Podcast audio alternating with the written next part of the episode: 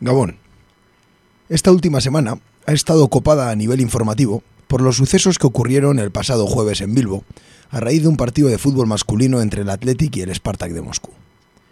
El equipo ruso trajo consigo a centenares de hinchas de ideología neonazi que se vieron permitida la entrada a Bilbo sin problema alguno. Tras un pasacalles por Bilbo, estos hinchas llegaron al estadio del Athletic, donde comenzó una batalla campal entre estos e hinchas y militantes antifascistas que allí les esperaban. Como todas sabemos, durante la intervención del Ertzaintza, un Ertzaña falleció a consecuencia de un infarto. El tratamiento que de esa muerte se ha hecho en la esfera pública realmente exige una reflexión. Son muchos los titulares que han acusado a los antifascistas de haber acabado con la vida de la gente, siempre recalcando y haciendo hincapié en su ideología. Más allá de la pérdida y entendible tristeza para familiares y allegados del policía, los elementos que componen el puzzle de lo ocurrido nos dejan una imagen clara que no da lugar a interpretaciones. Las personas que protestaban contra los hinchas rusos lo hacían contra la ideología nazi de estos y emplearon métodos de defensa y lucha callejera, siendo conocedores del entrenamiento paramilitar y la peligrosidad que estos militantes de extrema derecha tienen.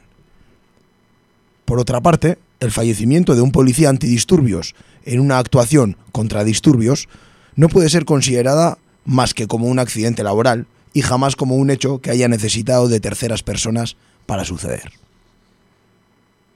A pesar nuestro, sabemos mucho en nuestra tierra de memoria y del descrédito que hacia una parte de la sociedad se ha llevado y se sigue llevando a cabo. ¿O acaso no chirría al oído que un policía antidisturbios que voluntariamente ingresó en el cuerpo al que pertenece haya muerto de un infarto durante un operativo y cope las portadas de todos los medios tratado como víctima? Y que, sin embargo, una persona que muere en accidente de tráfico cuando va a visitar a un familiar a la cárcel sea situada en la mera estadística de tráfico? ¿No es acaso tendencioso buscar culpables a la fortuita muerte del jueves pasado, mientras no se acaba de aclarar quién asesinó a un joven de un pelotazo de goma hace ya más de seis años? En nuestro país, la justicia y la opinión pública y política siempre han tenido dos marchas, dependiendo de las ideas defendidas por la víctima de un, suceso.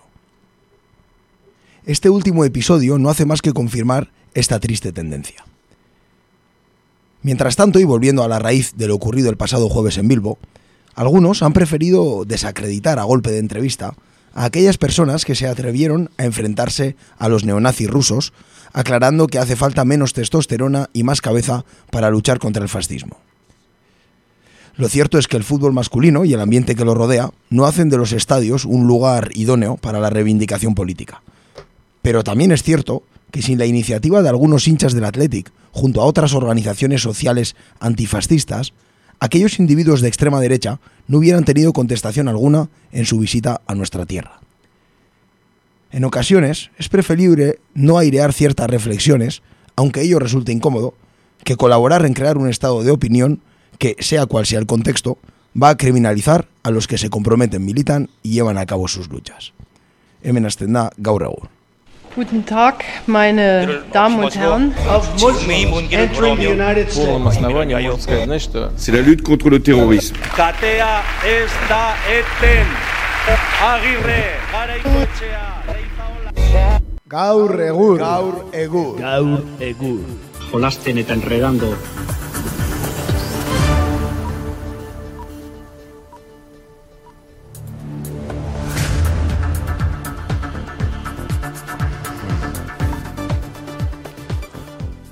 kaixo entzule hemen gaude beste astelen batez, ba zortziak eta zazpi diren honetan, e, zuzen zuzenean kakaintzonako gure estudioetan, eta ba, gauza gutxi gehiago esateko, astelen bat gehiago, segurra partitzea etorri garela, e, otzan di, egin behar omen duen gau honetarako aproposa, egurra, suba jurako, eta besterik ez, ongi etorri, kaixo da, noi? Bai, kaixo, gabon guzti hoi, eta, bueno, ba, hemen txagaude, astelen bat gehiago, zuekin, e, ba, bueno, egurra partitzeko asmoz tekniko lanetan e, pezeraren beste aldean ere badugu kidea.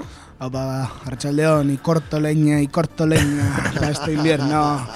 Oso ondo, ba, besterik gabe, ba, aurre, aurkezpenak eginda, ba, ongi etorri berriz ere, eta hasi gaitezen, ba.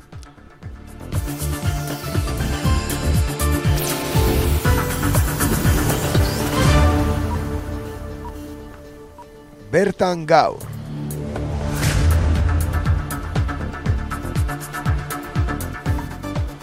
Beno, ba, bertan gaurren e, ez dugu jorratuko Bilboko ertzainarena, e, uste dugu editorialean esan dugula esan beharreko guztia, eta naiz eta aste osoan ba, besterik ez den izan, e, bolo-bolo ibili den komunikade guztietan, ba, ez daukagu informazio gehiagorik emateko, uste dugu e, jentzule gehienak e, informatuta egongo direla, eta iritziaren aldean, ba, editoriala ekarri dugu, beraz horrekin e, nahikoa, eta orduan ba, beste gai bat jorratzea erabaki dugu hainbeste gertakari gertatu diren aste honetan, ba, pixka bat ba, atze, atzeko planoan geratu den albistea, baina ez horregatikan ba, garrantzi gabekoa.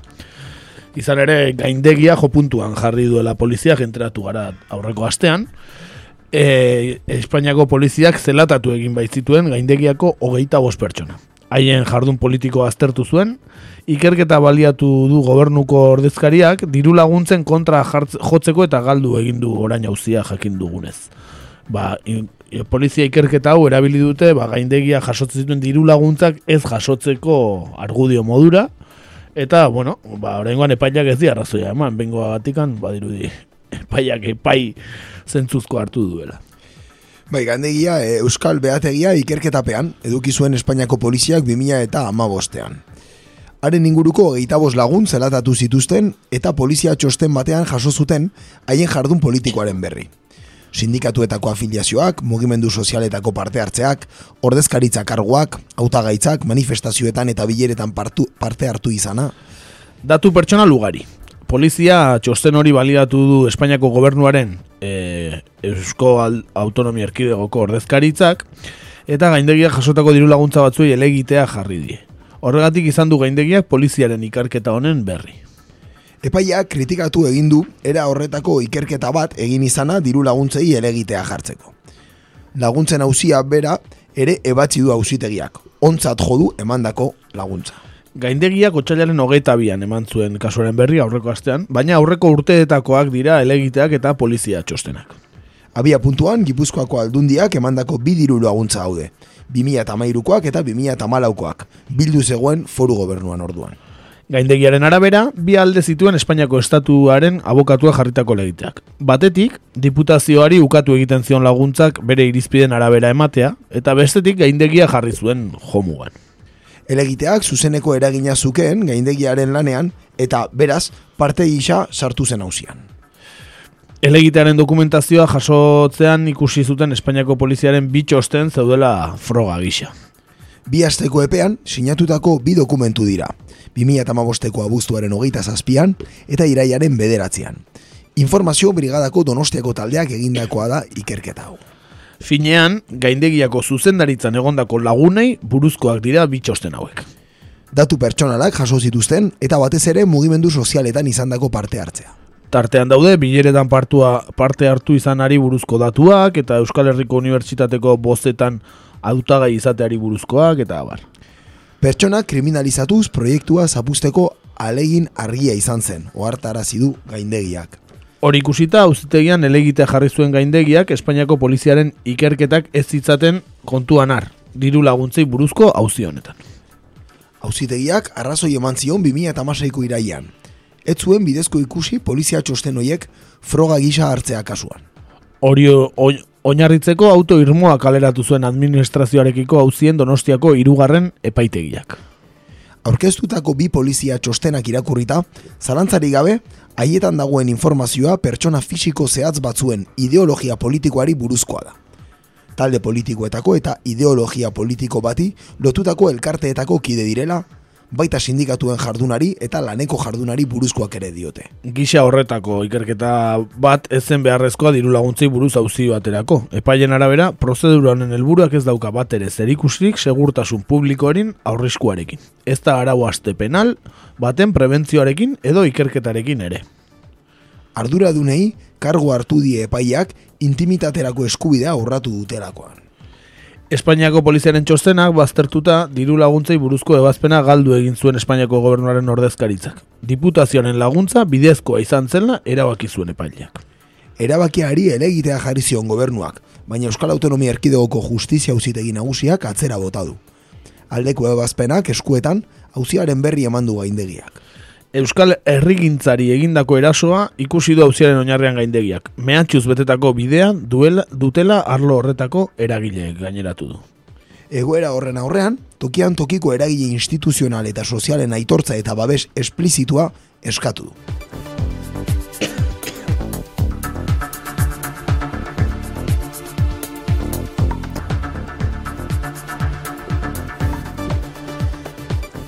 Bueno, ba, zergatik ekarri dugun kontua, ba, bueno, gaindegia Euskal Herri mailako e, erakunde bada, e, nun ba, informe desberdinak ateratzen dituzten, ez? Eta proiektu desberdinak, ba, Euskal Herriaren koesioaren alde, eta datu desberdinak Euskal Herri bat bezala, ez? Nazio bote moduran, pixka gehiago azalduko zer den gaindegia, ba, hori, ez zaila asko gustatzen hori e, bot, Espainiar botere dunei, eta ba, ikertu egin dute, ba, diru laguntzarik ez jaso eta horrela ba, kriminalizatu eta ez aurrera egiteko. Esan bezala, bain, e, norbaitek ez badaki zer den gaindegia, ba, orentxe azalduko dugu laburrean zer den. 2000 garren urtean sortu zen, irabazirik asmori gabeko elkartea da. Eragile ekonomiko eta sozialek osatua dago eta bere helburu nagusia herri ikuspegiaz Euskal Herriari buruzko ezagumendua sortu eta eskaintzea. Izan ere, Euskal Herrian biziarren, gure herria zertan den ez ezagu, e, zertan den ez ezaguna zaigu gehienoi. Alaber, ez dugu elkar ezagutzen eta ondorioz ezin dugu Euskal Herriko eremu ekonomiko eta sozial bat egituratu. Euskal Herriaren baitan daude ordea, aurrean ditugun erronken erantzunak. Gaindegia beraz, eragile ekonomiko eta sozialei gure herriari buruzko ezagumendua eskaintzera datorren beategia. Baina zergaitik sortu zen eh, gaindegia, e, ekonomia eta gizartea lurraldeari estuki loturiko kontzeptuak dira. Gizarte orok bere lurralde eta biztanleriaren ongizatea bermatu behar du. Orain aldian naiz etorkizunean. Etengabe banaketa administratiboa jasan arren, egun ezinbestekoa zaigu Euskal Herria aintzat hartuko duen eremu ekonomiko eta soziala egituratzea. Lurralde zein sektore arteko lankidetzatik hasten da arazo lokal zein nazio mailakoi egoki erantzuteko bidea esaten du gaindegiak bere sorrera dokumentuen. Eta zeintzuk dira helburuak ba hiru dira, ezta? E, lena ezagutu, bai sektore zein lurraldetako errealitate sozioekonomikoaren jarraipena egin eta egiturako mailako ikuspegia garatzea. Eragin da beste helburuetako bat, eragitea Euskal Herriko ekonomia eta gizarte lorrean herri gisa garatzeko aldeko ezagumendua eta iritzia eragin. Eta azkena saretu, bai ekonomia eta gizarte alorrean, elkarren ganako ezagumendua, lurralde arteko lankidetza eta saren garapena bultzatzea da.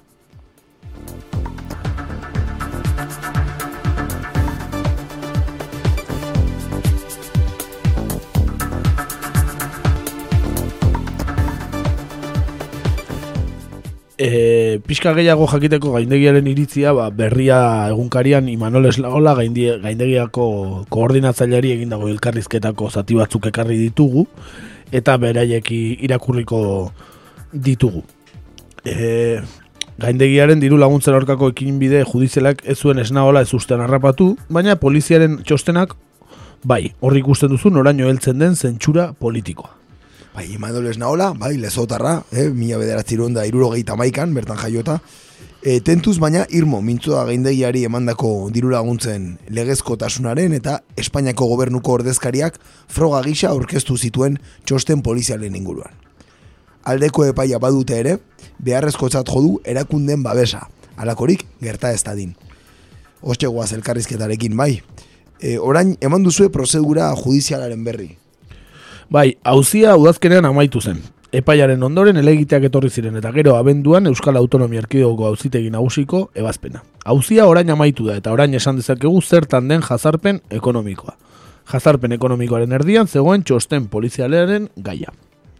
Beraz, ziurtatu da Gipuzkoako aldundiak emandako diru laguntzak legezkoak izan zirela, ezta? Hori da. Batetik aldundiak bazuela eskumen hori egiteko eta egoki egin zuela. Bestetik baliatu dituzten argudioak jazarpen ideologikoari lotuak direla. Hori agerian geratzen da guk geu jarritako salaketaren epaian. Zein izan zen erreakzioa poliziaren txostena nondik norazi joan ikusi zenutenean? Lehenik elkarteko zuzendaritza organoak informatzea eta aurrereseago batzar nagusi bat egitea izan ziren. Ondoren, hauzian orkestu ginen, gure abokatuekin gure eskubideak bermazitezen. Sorpresaz, jaso genuen, baina bestalde batetik, ikusten genuen ez estatuko ordezkariaren salaketa hildoa, zoritxarrez ez gintuen ustekabean harrapatu. Beste gauza bat dira ikusten duzunean baliatzen diren ustezko frogak, salaketa administratu bat izen izan da ez dagozkionak. Sindikatuko kide izatea, hauteskunde plataforma bateko hautagai edo babesle izatea, hor ikusten duzu noraino iristen den zentsura politikoa buru jabetzaren bueltan dabiltzan sektore hauetan. Afiliazio politikoa, sindikala, sakon zelaetatu zaituzte. Sakon baino gehiago, esango nuke ageri den informazio guztia publikoa dela. Ez dago datu ez ezagunik, datu okerrak bai ordea.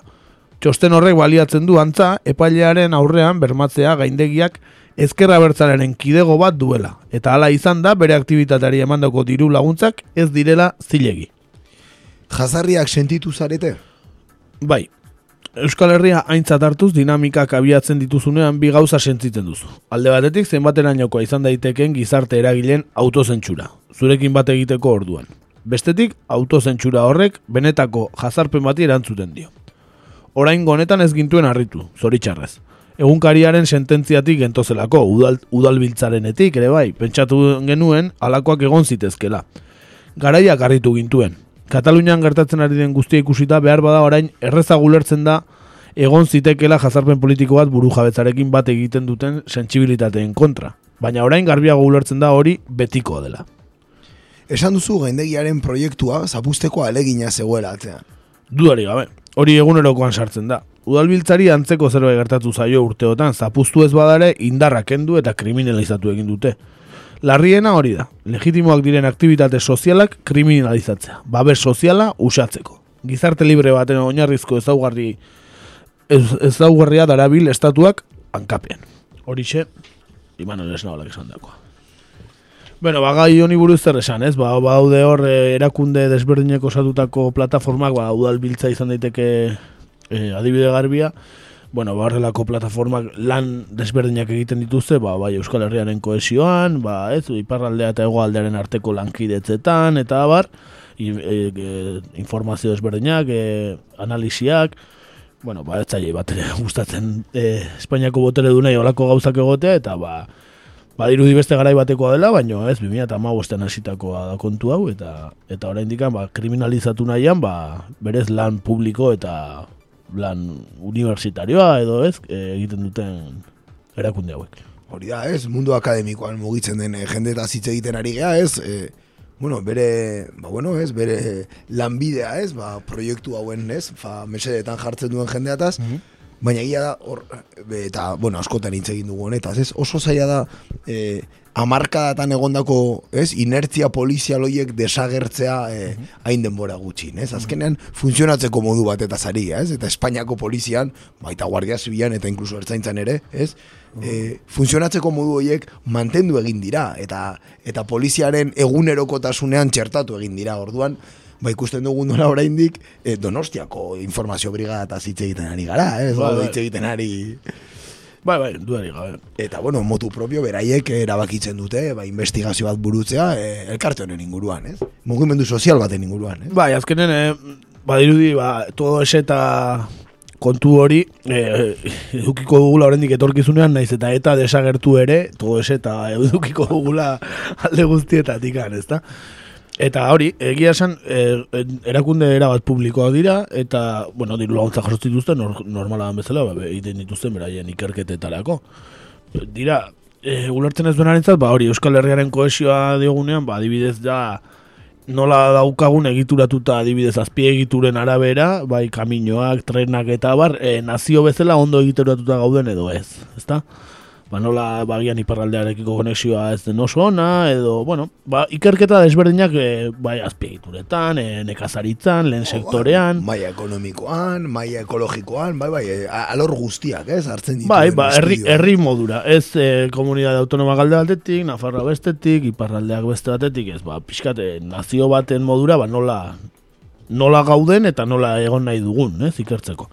Ba, hori ere, etzai bat ere gustatzen, eta hori ere kriminalizatzen dute, eta kriminalizatu nahi dute nola, eta bertan lan egiten dutenak, ba, e, alderdi politiko bateko hautagaitzako zerrenda baten agertzagatik, edo sindikatu batera afiliatua egoteagatik, eta gauza, bueno, sinez gaitzak, ez? Horregatik kriminalizatu nahi izatea horrelako erakunde bat. Duari gabe, eta hemen badago, ez, beti badakit askotan errepikatzen dugula argumentu hau, baina e, bai existitzen dara, bo, gu oso ituta gaude, ez, horrelako gertaerekin, e, bueno, amaika ikusi ditugu horrelakoak, eta ja, e, ez gea ezerrekin harritzen, ez?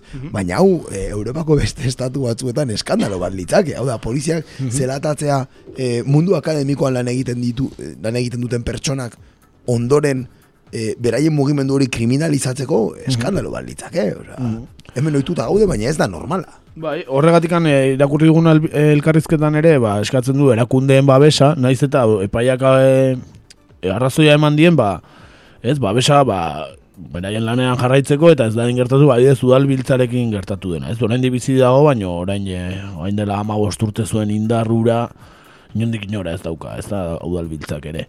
Eta, ba, horrelako proiektuak, pro- proiektu positiboak, ba, ba, uste baldin badira bera erortzen, erakundeen laguntzi gabe, ba, ba, seinale txarra. duari gabe eta gero ba, beti daude, ez? Alde batetik faktore politikoa, hau da, erakundetan dauden, ez? Ba, alderdiei ea interesatzen zaien horrelako proiektu bat eta horren arabera salaketa egiten dute edo, ez? Hori ere nahiko eh, tamalgarria. Bai, alderdi politikoen eritzirik ez dugu entzun, honi buruz. Ez dakigu baten batek adierazpenek egin duen, baina ez dugu ezer entzun. nik ere segi esan, ez da, ez da berririk egon. Eta beste alde batetik, badagoela beste funtzionamentu bat hemen ere existitzen dana, eta diot Euskal Autonomia Erkidegoko polizian edo polizia foralean, ez? Existitzen diren mekanismoak ere, ba, ba, honetatik oso urrun ez dabiltzatela, ez? Bai, edo zein eh, herri mugimendu kriminalizatzeko ere hori erabili izan da, ez? Pff, hemen ondo dakigu edo zein eh, gaztetxe, bai irrati libre hau, bai beste edo zein irrati libre, bueno, dana zaku berdinan sartzen da, eta kriminalizatu nahi bat zaituzte, kriminalizatzen zaituzte, bai, bai polizia nazionalak, bai ertzaintzak, bai foru zaingoak. Hori ez, Denek. orduan, betikora bueltatzen gara, ez? Bakoitzak bere miseriak tapatzeko, ba, bueno, ba, saiatzen da horrelako gauzek, ba, zarata askorik ez egiten ere, ez?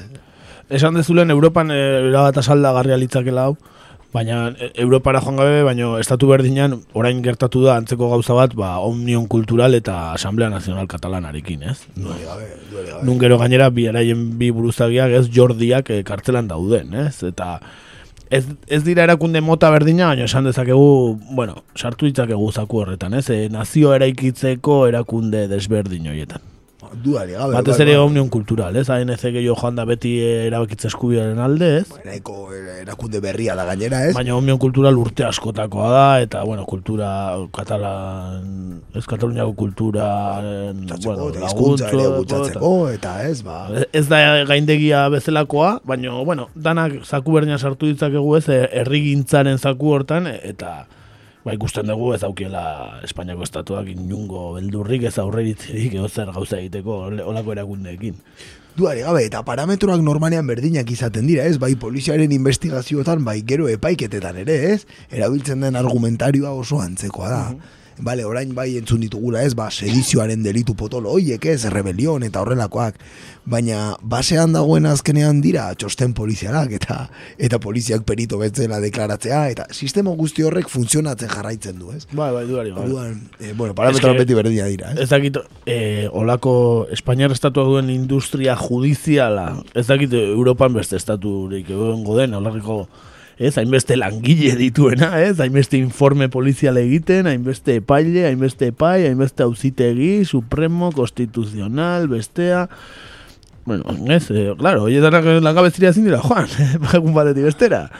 Lan egin barko dute, eh? gizajoak. Duari gabe, duari gabe, eta eta gero, estatuaren bizkarrezurra judiziala dala. Esanet, eh, estatu espainiarra da estatu bat, erabat, eh, judizializatuta dagoena, dena, dena eh, tribunaletan amaitzen da. Den, eh, bizitza politikoa bera tribunalek eh, antolatzen dute. Bai, bai. Beti bukatzen da dena tribunaletan, eta hori ez da ohikoena, ez? Ez dago, nola esan, eh? eh, ez dago debate politiko bat, ez dago eztabaida politiko bat, borroka politiko bat, hori ez da existitzen, konturatzen bali mazeate, dena bukatzen da supremoan, konstituzionalean, bankiarena, jubilatuena, auzitegi preferenteena, dena bukatzen da hor, gur, gurtela, pesoeren amainoak Andaluzian, eh, dena da horrela, ez? Bai, bai, eta gaina, eh, bueno, ezin da, eh, norbaitek ez baian jartzen badu, ba, bo- botere banaketarik ez dagoela Espainiar estatuan, bueno, baina beste ez da batea joan ginateke, hemen ez dituzte inorreko lago pentsatzen dugunik, baina eske gainera botere banaketarik ez dago, eta gainera da, botere judiziala da,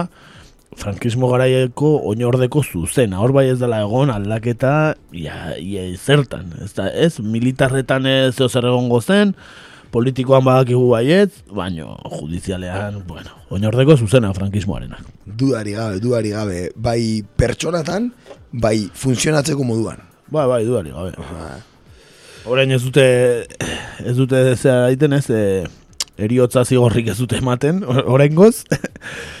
Zatik, agian etorriko da hori ere. Ba, ari dira, baten batek planteatzen du, bai, bai, bai. Baina, baina, bueno, bestela antzeko, antzeko frankismoaren gararekin. Eh? Duari gabe, duari gabe, dago era bat, bueno, dena dago era bat biziatuta eta eta gizarteko alor guztiak judizializatzea lortu dute eta horrek ba, suposatzen dituen ba, konkulkazio guztiekin, noski.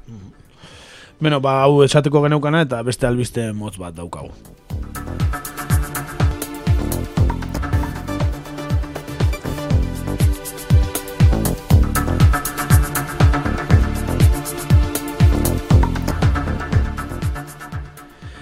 Izan ere, ba, hemen eh, askotan aipatu dugun eh, txiolari bat, euskal txiolari bat, eh, erre harria bezala ezaguna zena eh, Twitterren, Alfredo Remirez eta zari gara, ba, aste honetan eh, espetxe aldatu dute, eh, basaurikiko espetxetik darokako espetxera eraman dute, e, ba, bera gogoratu ezagun gartzelan dagoela sakabanak eta salatzeagatik, ba, beak ere, ba, dispertsioa ezagutu du. Eta hori gutxi balitz, ba, e, darokara eraman dute e, Alfredo, eta bere zen ideak e, bertatik bisitatik zeto zela, ba, istripoa izan dute gainera. Esan bezala, Alfredo Ramirezen senitartekoek bisitatik bueltan istripua izan dutela jakinarazi zuten e, haren Twitter kontutik. Istripua izan dutenak ondo ondo daudela ere esan zuten. Esan bezala basauriko espetxean, eh, egonda aste honetar arte, eh, Remirez, baina aste honetan eraman dute darokako espetxera.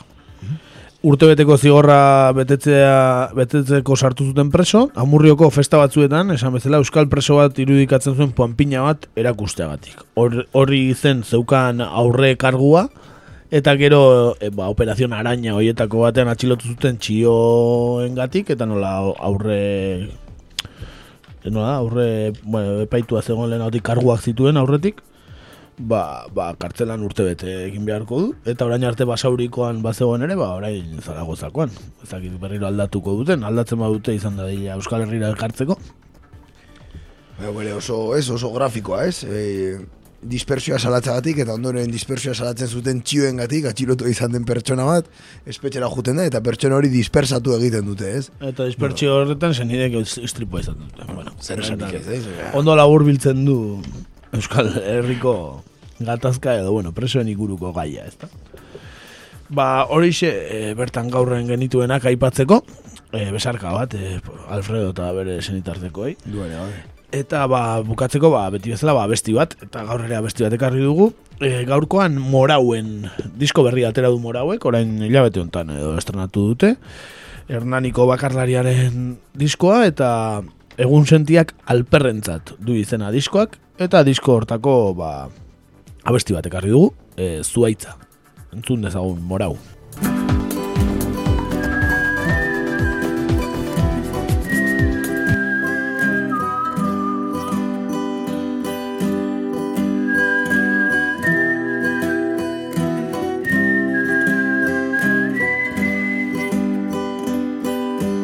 Tximistak jotako zuaitza da haren gorputza.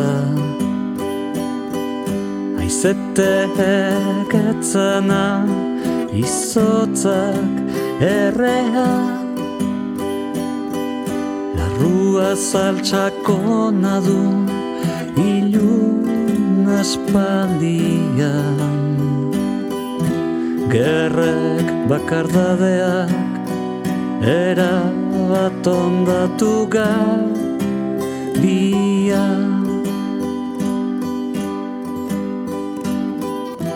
Oin puntetan dato zurtaroak aspaldi. Amaren loa ez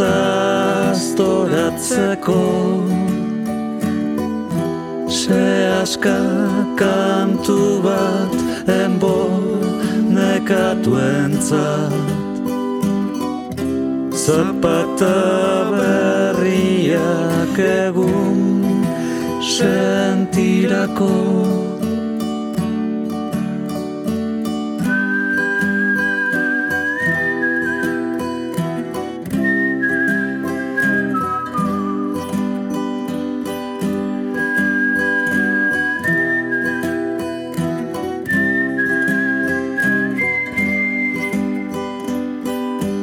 Egurzarreko armadura du Hor bainez betea.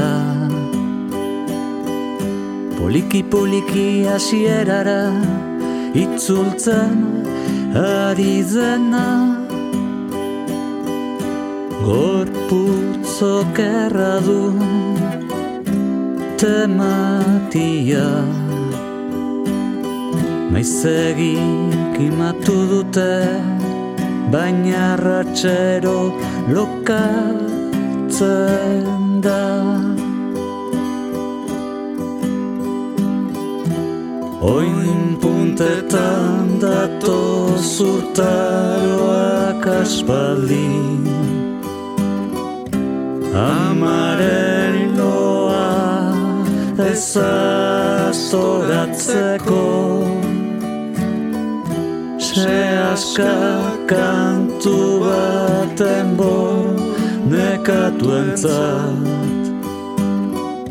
Zapata berriak egun sentirako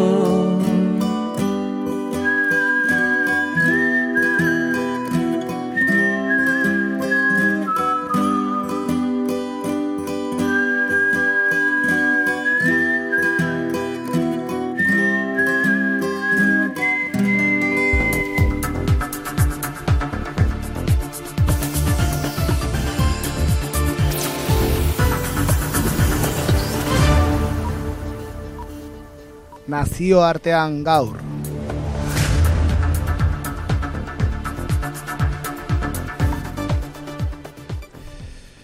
Bueno, pues nada, como todas las semanas, ¿eh? pasamos a la, sección internacional y hoy, pues bueno, nos toca otra vez volver a volver a Asia y nos vamos a interesar por la situación de un país que no hemos tratado nunca en, en. Eh, ese país es Pakistán y Pakistán, pues bueno, como pocos países más en el mundo, tiene la, peculiaridad, la particularidad de que las decisiones que se toman, las decisiones de Estado que se toman allí, pues tienen una onda expansiva bastante imprevisible. Entonces hoy vamos a analizar cuál es la situación actual de Pakistán y cómo esa situación afecta a toda la región y, y más allá también, ¿eh? más allá porque veréis que hay mucho de, muchos factores. Eh, este país de 200 millones de habitantes tiene, tiene mucho que decir.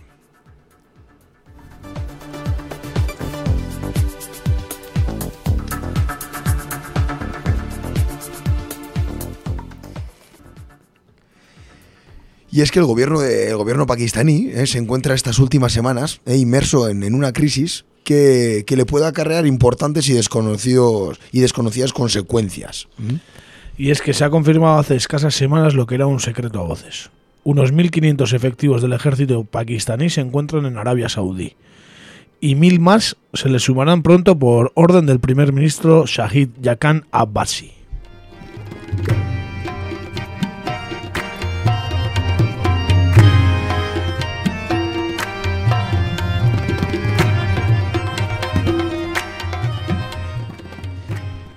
El lunes pasado, el ministro de Defensa pakistaní, en una sesión informativa en el Senado, se negó a dar detalles sobre el envío adicional de tropas al reino wahabita, Arabia Saudita, así como sobre la asistencia y el tipo de actividades que van a desarrollar sobre el terreno.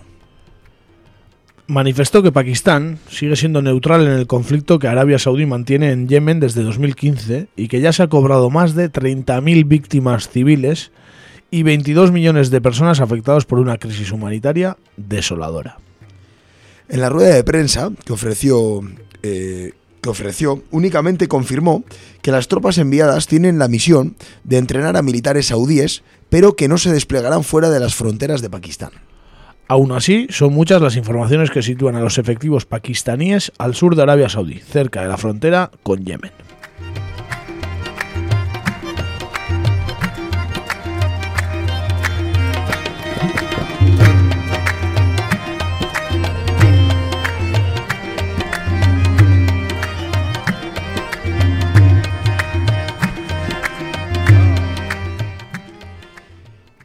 Y la verdad es que si echamos la vista atrás, lo cierto es que la, la colaboración militar entre ambos países ha sido muy activa en estas últimas décadas. El marco de la Guerra Fría y la proximidad política histórica entre estas dos naciones y Washington ha tenido mucho que ver en ello. Son muchos los vínculos militares que se han ido tejiendo entre ambos países. Ya durante la guerra soviética afgana, entre 1978 y 1992, Pakistán se convirtió en una portaaviones estadounidense para abastecer a los mujahidines afganos. Sí, del mismo modo, Arabia Saudí fue el principal patrocinador de mercenarios que ingresaban a Afganistán por la frontera pakistaní. Lo que ha ocurrido durante los 25 años posteriores en Afganistán y por todo el mundo a consecuencia de aquellos patrocinios es sabido por todas. Unos años más tarde, más concretamente en 1998, Pakistán sufrió fuertes sanciones internacionales para impedir el desarrollo de su plan nuclear. Arabia Saudí proveyó entonces en petróleo al país centroasiático, lo cual le permitió seguir con su programa. El gobierno saudí también dio asilo en 1999 a Muhammad Nawaz Sharif, que era primer ministro de Pakistán, hasta que fue derrocado tras un golpe militar encabezado por el general Pervez Musharraf. Por su parte, el gobierno de Pakistán colaboró en los años 60 en la modernización de la Real Fuerza Aérea Saudí y en 1969 apoyó militarmente a Arabia Saudí enviando pilotos en su guerra contra la República Popular de Yemen del Sur. Durante la Primera Guerra del Golfo, en 1991, fueron cerca de 20.000 los militares pakistaníes que estuvieron acantonados en Arabia Saudí. Se estima además que más de 10.000 militares saudíes han recibido entrenamiento y formaciones en academias y escuelas del ejército pakistaní.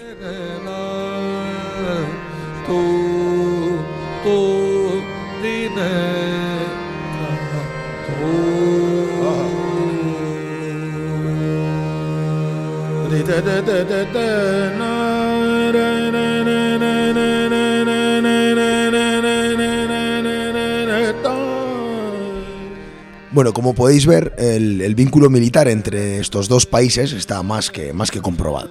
Desde el inicio de la guerra en Yemen, que tiene una comunidad chií que representa el 42% de la población, el reino saudita ha presionado a Pakistán para que le proporcione tantos, tanto naves como aviones y también tropas.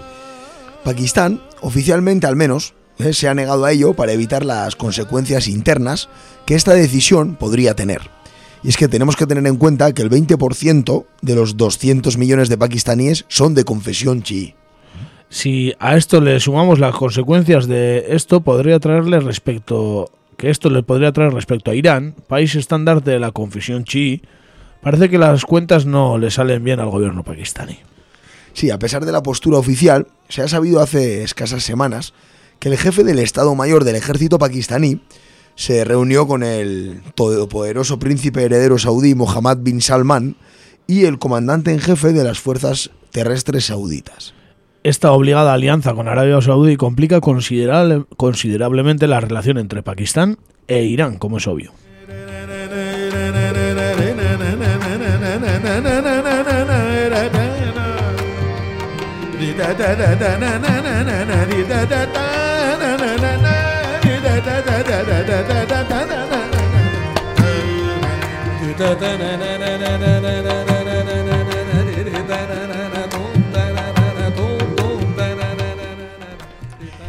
Irán, más allá de su poderío militar y su influencia en la región, se ha convertido en un factor determinante en el Islam, eh, tanto chií como suní.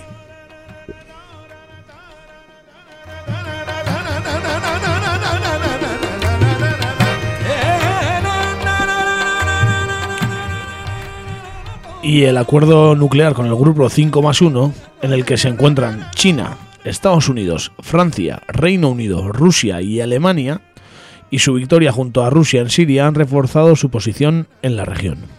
Además, Irán mantiene excelentes relaciones con India, el enemigo jurado de Pakistán, con quien acaba de pactar la semana pasada darle el control del puerto iraní de Chabahar. Este puerto se encuentra a escasos kilómetros del puerto pakistaní de Gwadar, y desde este, los productos indios alcanzarán con más rapidez los mercados de Asia, Rusia, Afganistán y el Golfo Pérsico. Para añadir más factores a esta preocupante situación, Irán se encuentra muy próximo a la provincia pakistaní de Baluchistán, donde un importante movimiento independentista lucha desde hace décadas para independizarse de Pakistán. Este movimiento podría incrementar su actividad si recibe el apoyo iraní. Media docena de organizaciones insurgentes han protagonizado importantes ataques en la provincia, llegando incluso a atacar objetivos en Islamabad. En otras épocas, tanto la Unión Soviética como Pakistán ya apoyaron a estos movimientos para erosionar a Pakistán, por lo cual la vía parece abierta. A este complejo mosaico de problemas para Pakistán eh, hay que sumarle las recientes sanciones de Washington por no estar desarrollando planes para el control de su frontera con Afganistán, por donde transitan los activistas talibanes y de Daesh. Puede que ceder a las pretensiones sauditas haya sido la vía que Pakistán ha encontrado para acercarse de nuevo a Washington, lo cual también le traería consecuencias, sobre todo en la fuerte alianza comercial que tiene con la República Popular de China.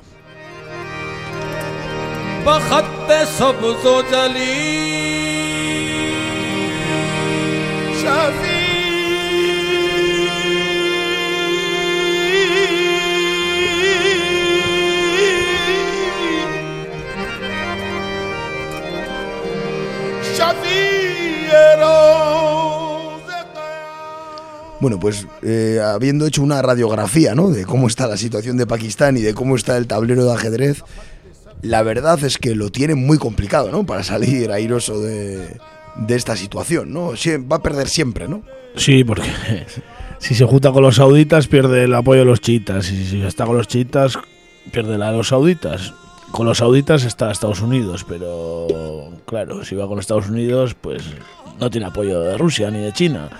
Bueno, es, está difícil, es está en una situación comprometida. Y eso que no hemos hablado nada de India, que también está, hace frontera con India y tiene todos sus conflictos con Cachemira.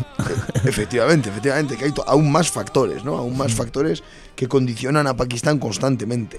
Pakistán tiene un problema y es un problema que es un problema muy básico, que es su localización. Es decir, eh, geopolíticamente está en un lugar en el que en el que se encuentra siempre inmerso en un cruce de intereses, ¿no? Que en algunas ocasiones no han tenido nada que ver con, con Pakistán y en otras ocasiones sí, ¿no? Como es, como es ahora el caso, ¿no? Al fin y al cabo son dos países que son eh, como los valedores de Estados Unidos en la región, ¿no? Junto con Israel. Son los tres países que, que, bueno, en los que Estados Unidos ha podido alargar la mano a Oriente Próximo, ¿no? Y a, Sí, pero y a Asia Central. un Es poco. que ya no es ni Oriente Próximo, está en la frontera entre Oriente Próximo y Asia, ¿no? Ya está con, entra, eh, ¿no? Está cerca de India, eh, ¿no? Toca hasta el Himalaya, Pakistán, ¿no? Tiene, Sí, sí, llega hasta el Himalaya, Himalaya. imagínate, ya, ya coge ya frontera con China, con India. Claro, es que su situación geoestratégica es que Pakistán es muy grande, es un país con mucho territorio, muchos metros cuadrados. muy grande y muy poblado. Son 200 millones de personas, ¿no? Que para que os hagáis una idea, Irán, Irán tiene 80 millones de habitantes, Pakistán tiene 200, es, ¿no? Y luego ya mi India, que ya llega a los mil, ya. no sé si mil, bueno, censados, no sé si son 1.600 millones ya, ¿no? Los que, censados, los que se dicen que viven ahí, ¿no? Pero bueno, el caso es que eh, haga lo que haga, parece ser que va a ser en su contra, es decir, va a perder, si no es a nivel religioso, a nivel político, y si no es a nivel político, a nivel económico, ¿no? Porque China no le va a perdonar eh, que vuelva a acercarse a Estados Unidos, ¿no?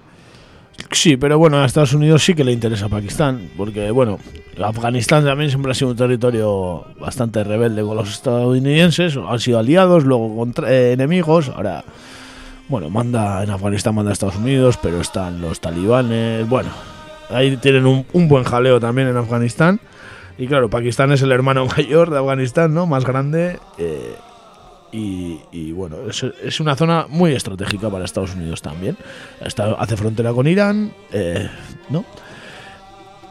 Claro, muy, muy importante. Muy importante, muy importante. Y pueden tener, yo creo, eh, en mi opinión, el mayor problema que pueden tener es el, el problema con la gente de confesión chií, ¿no? Que vive en el propio Pakistán, que no es ni más ni menos que el 20% de la población.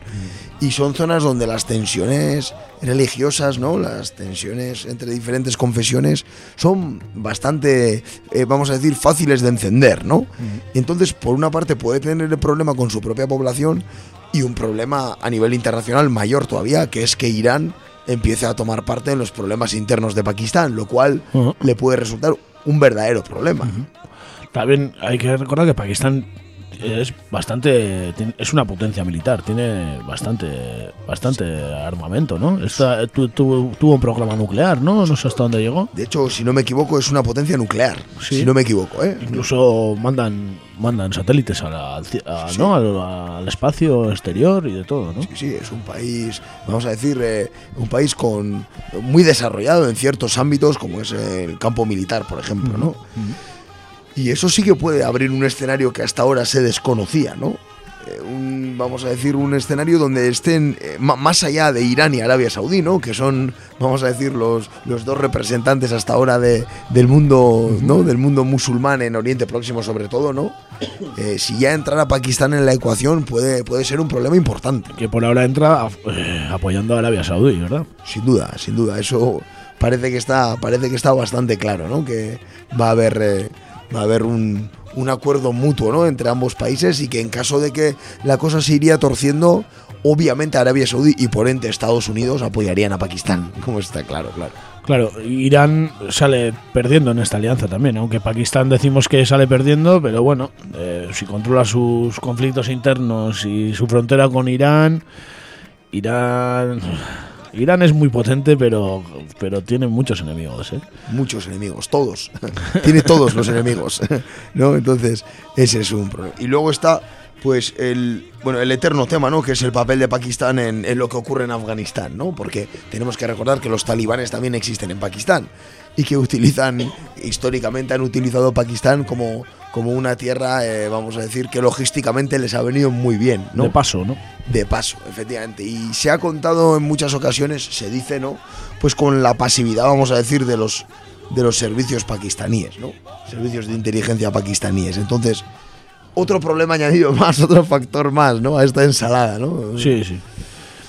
La verdad es que nunca habíamos hablado de Pakistán, No. pero es un país muy importante, ¿eh? Parece que Importante. todos los que acaban en Stan aquí nos suenan como, ¿no? Como que son todos iguales, ¿no?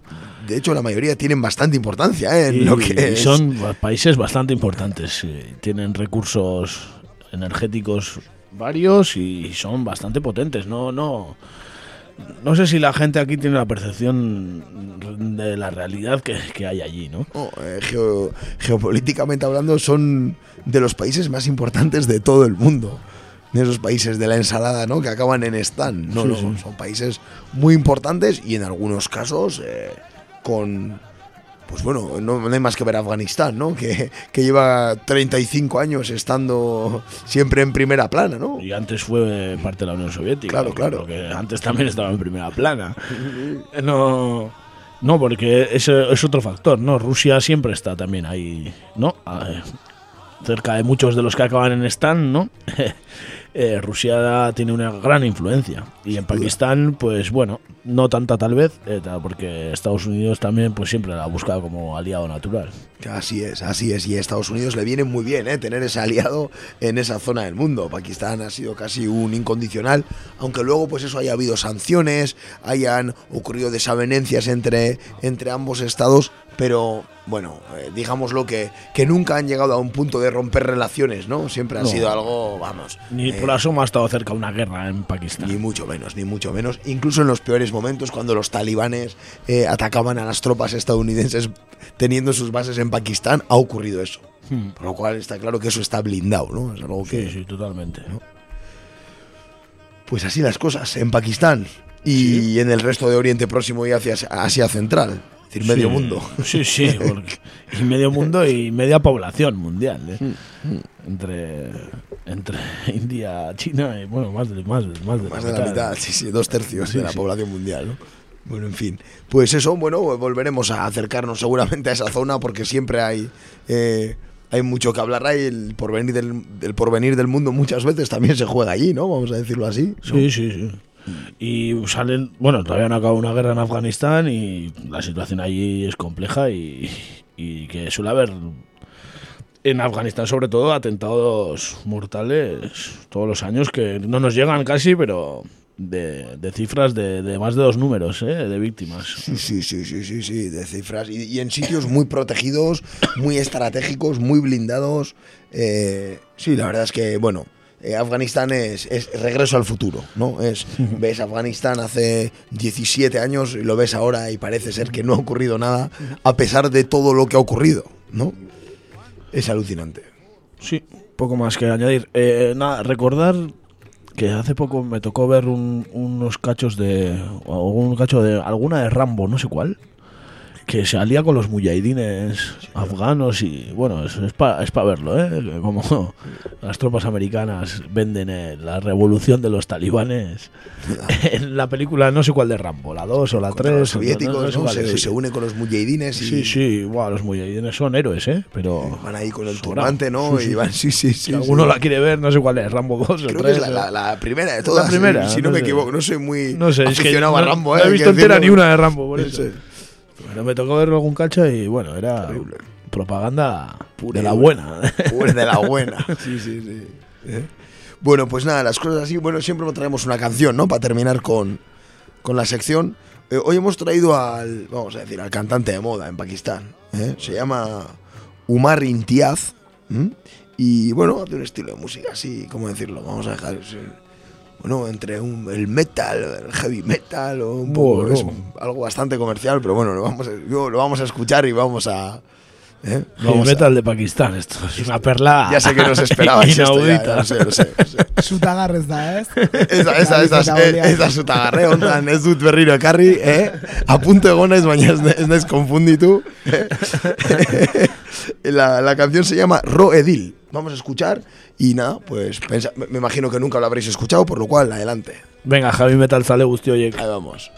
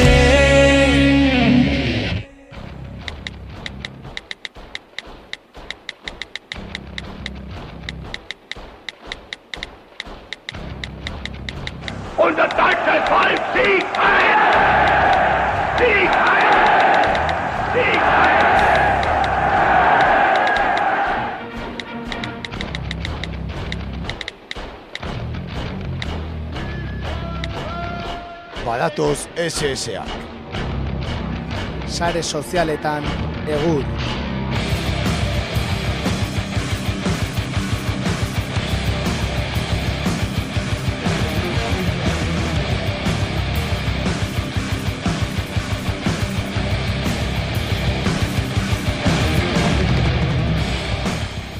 Bueno, ba, ba saioaren amaierara iristen ari gara, eta ba, beti bezalaxe, ba, sare sozialek astean zehar eman dutena e, aztertuko dugu. Ai, abaz esan diguten. Ba, bueno, ba, aspaldiko partez bezalaxe, Kataluniara joango gara, Ana Gabriel izen da aste honetan ere, ba, zer esan eman duena, Bai. gu ez gara bere iarekin sartuko. Eh, Bai, zati, uste, et, ETB dana, ez? Irakurri nuen e- ETBko gaur egun, e, bueno, eguneroko al- albistegian, e, kaztariak aipatu zuela, e, horrazkera aldatu zuela, Ana, Ana Gabrielek. ETB baten, eh? Benetan? Benetan, benetan. ETB Hori da baten. preokupazioa, ona, ona, eh, jo, Suizara jure eta zure horrazkera zitzeita. Urkulluren flekillo ataz ez du eitzengo. ez, ez. ostra. Bueno, ba, lehenengoarekin joango gara, peinat jatzen baren, azki ezaguna gure irrati Bai, orain hilabete hola hemen euki genuen. Hori da. Ba, txio polit bat utzi zuen, euskeraz aurkitzea txioak ere zaiak dira, eta honek ba, itz, itz, joko politia erabili zuen. Ana Gabrielek ez zuen Espainiako kapitalera joan nahi, eta Espainiako kapitala zegoen lekura joan da.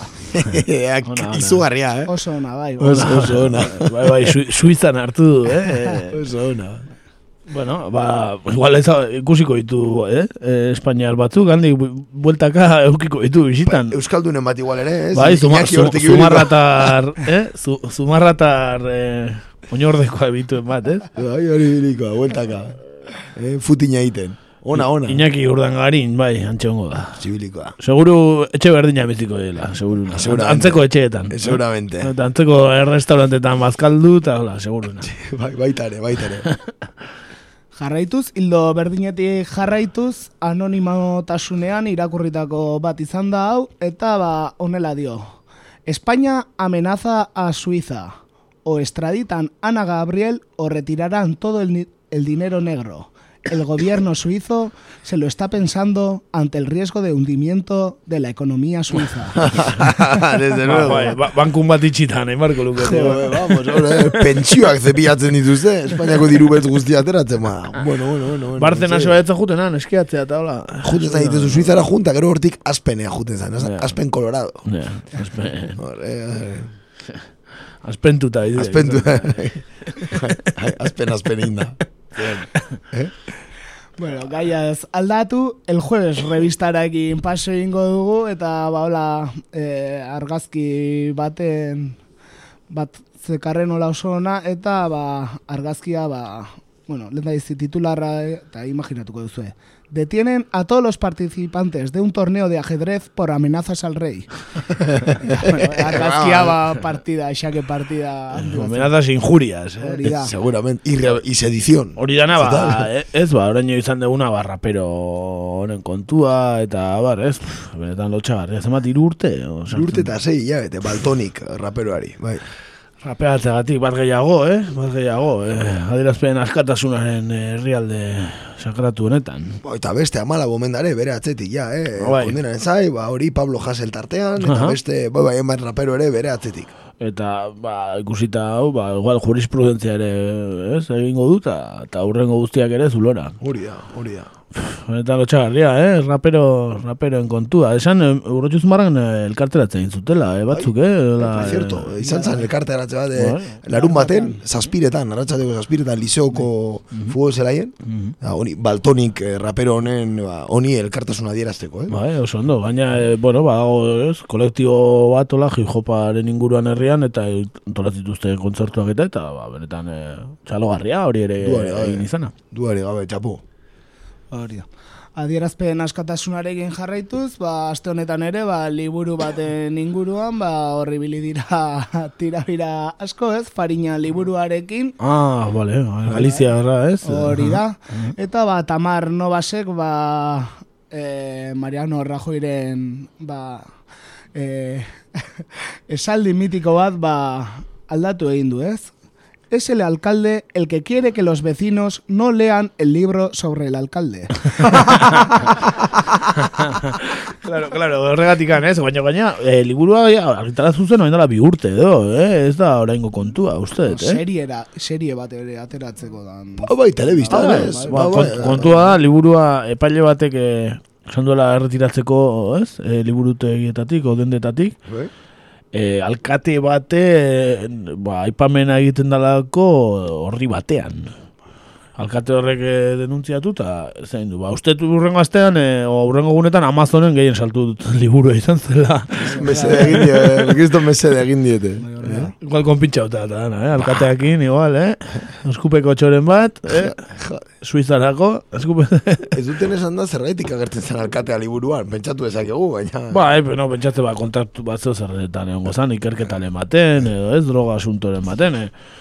Ez da zelduko, eh? baina horren dela bi urte egon polemika, eh, Galiziako presidenteak udan eh, narkotrafiko ari lotutako pertsona ezagunen baten eh, jatean. Eh, Bai, ubinarekin, pasatzen, Laureano ubinarekin. pa- pasatzen zituelako egunak, ez? Eh, Galiziako presidente denak, feijok. Bai. Ba, bueno, dana esan da, hor ere, ba, alderdi popularrak, ba, igual dirutan bakarrik ez du kobratuko, behin. Hori da, hori da. Hemen inorrez da galtzen, eh? Hemen inorrez da galtzen. igual dirua, baino, eh, austurian ere kobratuko du, igual. Duari gabe, bai, eta nahiko afizionatuak omen dira alderdi popularrean, hau zurira. Ah, bai, bueno, hori, ja, esaten hori espekulazioa da. Hori da, eh, hori da, eh, esaten dut. Jakizu. Bueno, eta ba amaitzeko azken txio bezala, ba ba ia aita seme baten elkarrizketa bada eta ba nik uste ba astea ba, nola joan den ba ondo deskribatzen duen konbertsazio bat dela. Eta honela dio. ¿Qué escribes, hijo? Una canción de rap, papá. Mal. Entonces, ¿un libro de narcotráfico como el de Fariña? Muy mal también. Pues una lista de los juguetes que tengo que vender para tener una pensión digna. Perfecto, hijo. Fenomenal. Bai, bai, eh? saldo de quedana. No te metas en problemas, hijo. Eh, pff, karagarria, eh, pentsiorena, eh, uneko 0,eta bost igo dituzte, eh, uneko, ba, zer, zireun da piko kobratzen duenaren uneko 0,eta bosta, zango da zuzen badan, bi euro, gutxigo, euro bat. Tablea, da, insulto bat, insulto bat da. Eta lotxagarria. Bai, bai, irudi horrere nahiko, ez, ba, bueno, mogimendu nahiko, ez, potente bat, ez, artikulatzen ari dela, ez, pentsio dunen inguruan, Bai. gaur bertan hemen ere beste elkarretaratze bat egon da, ez, eh, potroseko, potros plazan, eta jende asko zegoen, eh, jende pilo bat. Bai, kontua da, ba, pentsio dunak eh, protestan daudela, baino, baino pentsio dunez garenak ere egin beharko genukela agian, zen. Oraingo 0,8 bosti gotzen badie, ba, guri e, iristen bazaigu, egun ematean pentsioa kobratzeko garaia, ba, zer kobratuko dugu, zeo zer kobratzen badugu. Ni beldur naiz pagau egin dugula, bai, Bai, eh, jubilatu izategatik pagatu egin dugu. ba, argi, argi bili, eh? argi bili, zatikan. Hortik Bai, bai, e, alderdi popularrak, u- ja, gustu du, kaja, ja, ja, ja, pasadu B aldera. Bukatu da be aldea. Aldetik B aldera pasadu, ja, kaja guztia. ja, a ber zi bardegun. Bai, bai, bai, duari gabe. Bai, ba, bueno, ba, jarraituko dute, ez, mobilizazioak eta pentsio dunenak, eta, eta saiatuko gara informatzen, nik aurrera ere pentsatzen dut emarko dutela, ez? Bai, Gaur irakurri dut Berlusconi hauteskundetan, dago, eta e, bere programan e, esan dula, e, mila euroko pentsioa ziurtatzen dula. E, Italian, no? Italian, eta, auto, eta hori gaina e, zerga jetxio behar ditula, eta bar. Baita esan du zeireun mila eh, etorkin ilegal bota nahi ditula. Bueno, da, da, Berlusconi style. Urrengo kapituluan, eh, farina bi liburu aterako du, eh, Berlusconi. Horre bauka zer atera, bai. Joder. Hori eta, eh, zera, eh, emakume kinfestak eta adingabekoak, eta, eta Berlusconi. dena, dena, Berlusconi, denean dago, Berlusconi. Laizter, ja, ez, urrengo lian, dia, autoeskundeak. Pipa, bai, bartxuaren, zer esan genuen, zazpian da, ez, zazpian ez. Eh, Mazazpian? izan daiteke, izan daiteke. zazpian, igual. Zazpian edo emezortzian. Bai, Teratuko, gara. Hortxe dago, bai. Así que, horre abertza gertatzen dan. Kusi beharko, baina, esker, eh, esa, ultra eskuina potente, eh? Bai, potente, ultra eskuinetikan, eskuin liberalenera, eh, hortxe, aukera, eh, paregabeak. Kristona, kristona, hor katalogo guztia. Hori, zibestrik? Besterik ez, bukatu dut.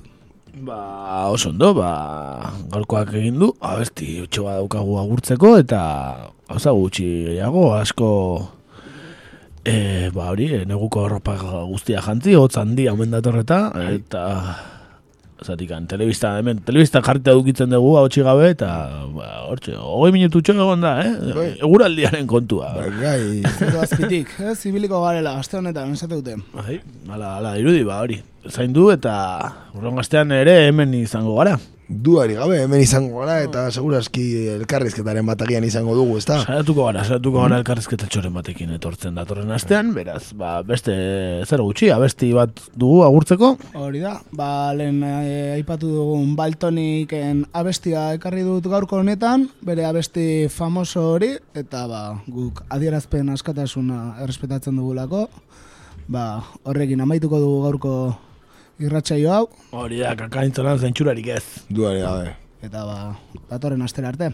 Venga, ondo izan. Geiztoki izan.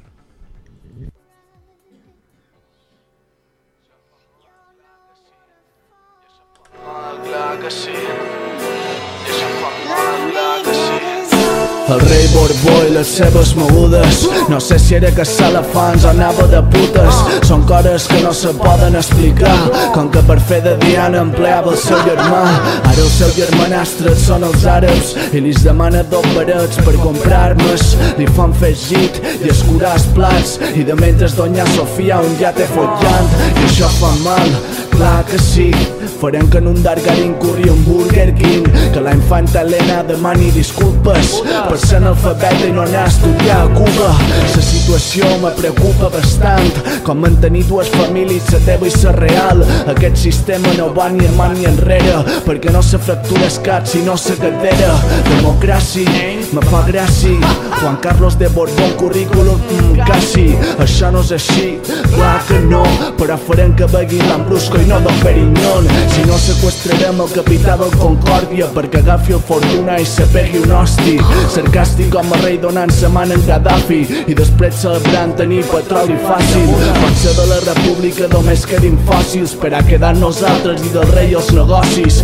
Espanya és un disparate perquè mentre es moria gent a l'11M Leticia follava el yate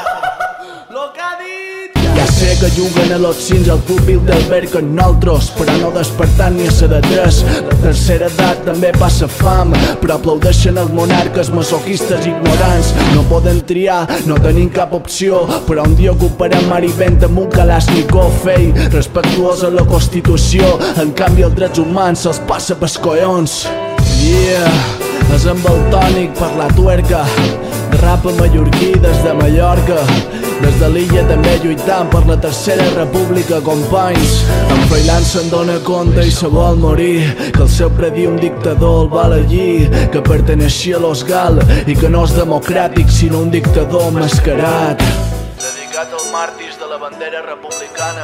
Espero que els medis de manipulació despertin i reflexin la veritat d'aquest país i no reflexar tot el seu interès en si don Juan Carlos s'ha romput una cadera, ja que segons la Constitució vivim a un estat demòcrata d'igualtat. I tot això és... con-